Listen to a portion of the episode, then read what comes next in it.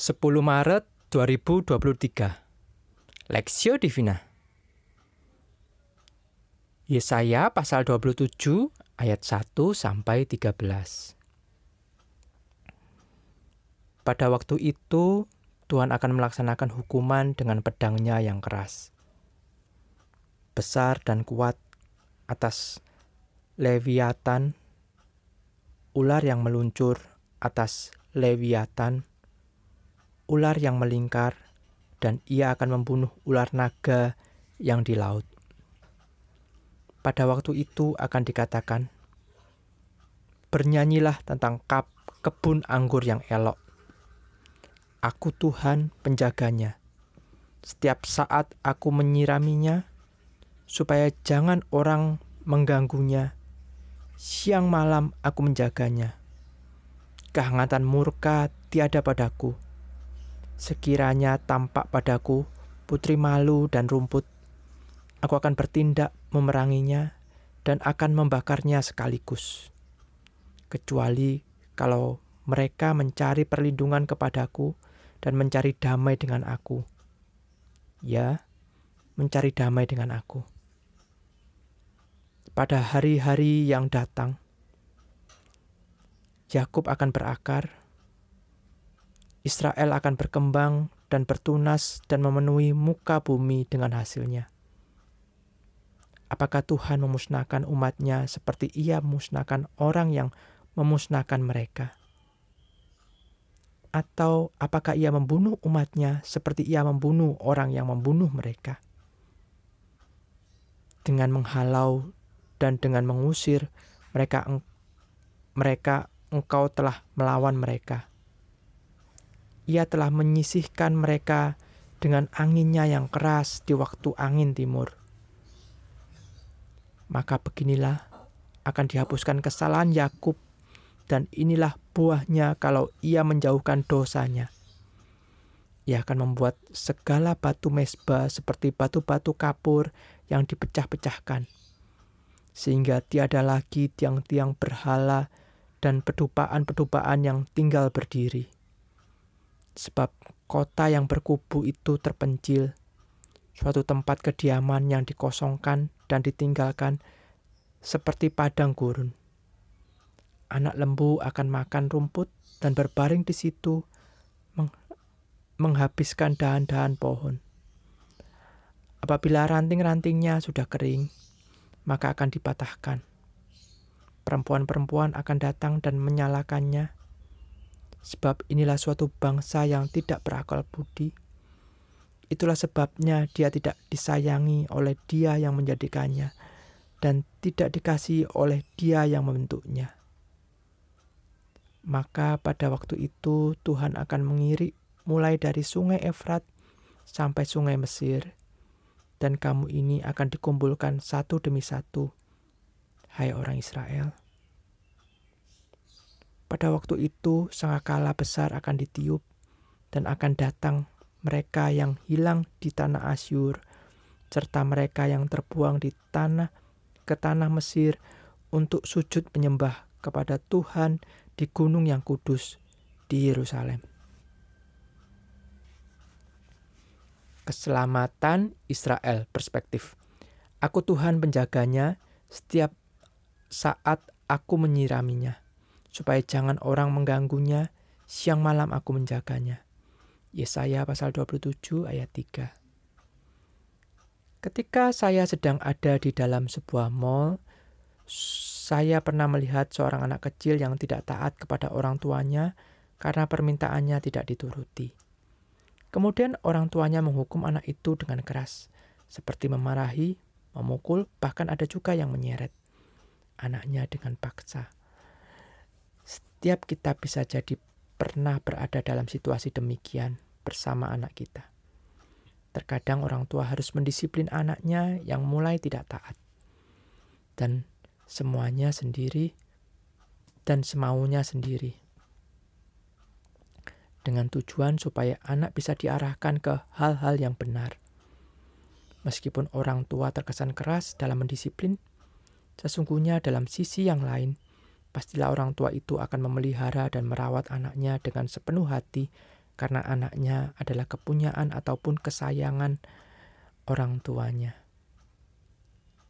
Gambaran relasi orang tua dan anak juga digambarkan dalam bagian perikop firman Tuhan ini, yakni antara Allah dan umatnya. Analogi kebun anggur ini menggambarkan keberadaan umatnya yang dipelihara oleh Tuhan.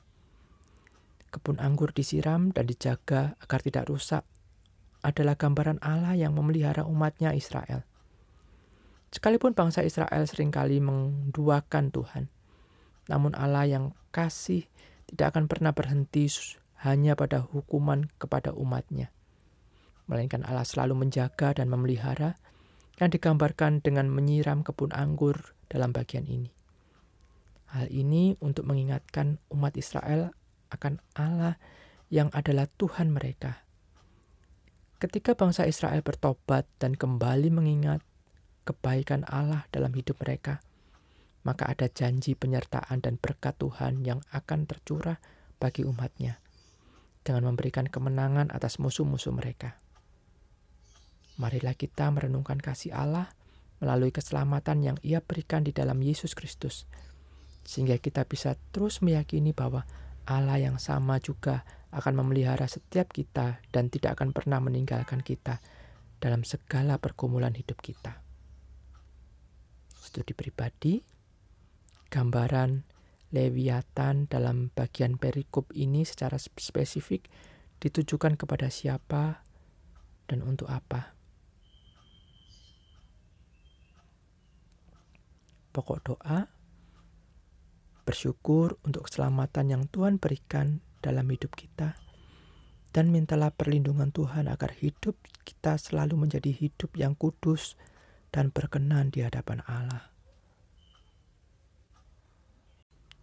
Peringatan Allah, anak-anak pemberontak. Perspektif. Celakalah anak-anak pemberontak. Demikianlah firman Tuhan, yang melaksanakan suatu rancangan yang bukan daripadaku, yang memasuki suatu persekutuan yang bukan oleh dorongan rohku, sehingga dosa mereka bertambah-tambah. Yesaya pasal 30 ayat 1. Tema hari ini adalah anak-anak pemberontak. Istilah anak-anak menggambarkan relasi yang baik, yaitu antara anak dengan orang tua, yang seharusnya anak itu tidak memberontak terhadap orang tua, melainkan menaati orang tua. Orang tua dan anak-anak memang bisa berbeda pendapat karena perbedaan usia dan keadaan mereka. Tetapi yang dipikirkan orang tua pasti untuk kebaikan anak-anak mereka. Dalam hal demikian, seharusnya anak-anak itu mengadakan dialog dengan orang tua dan sabar mendengarkan penjelasan orang tuanya. Dalam bagian firman Tuhan ini, kerajaan Yehuda sedang menghadapi musuh besar, yaitu Asyur, yang kemungkinan telah memusnahkan kerajaan Israel Utara. Ketika Yehuda sangat tidak sebanding dengan Asyur, yang pada waktu itu adalah kerajaan yang besar dan menguasai Timur Tengah, Situasi sulit ini membuat mereka ingin mencari sekutu untuk melawan Asyur. Maka para Yehu, para pejabat Yehuda menggandeng kerajaan Mesir melawan Asyur. Ini adalah kesalahan fatal. Tuhan tidak bermaksud menyerahkan Yehuda kepada Asyur. Kita ketahui bahwa pada akhirnya Tuhan mengabulkan doa-doa Raja Hizkia dan melalui janji Nabi Yesaya.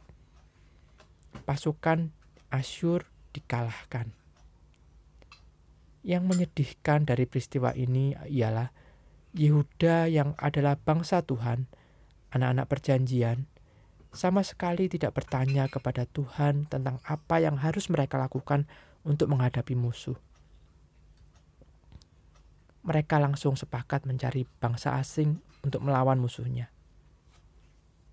Tidak lagi peduli terhadap rencana Allah untuk mereka.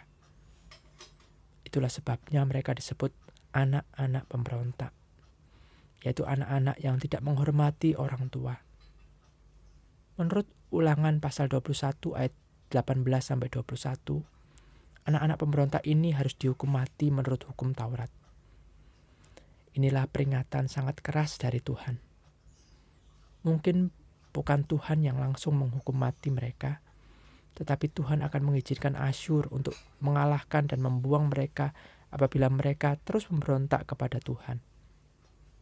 Kita, anak-anak Allah, memiliki Roh Kudus dalam diri kita. Marilah hidup seturut pimpinan Roh Kudus, sehingga menjadi anak-anak yang taat. Amin. Studi pribadi, apa yang perlu Anda lakukan agar firman Tuhan memimpin hidup Anda? Apa yang menjadi kesulitan Anda untuk taat pada pimpinan firman Tuhan?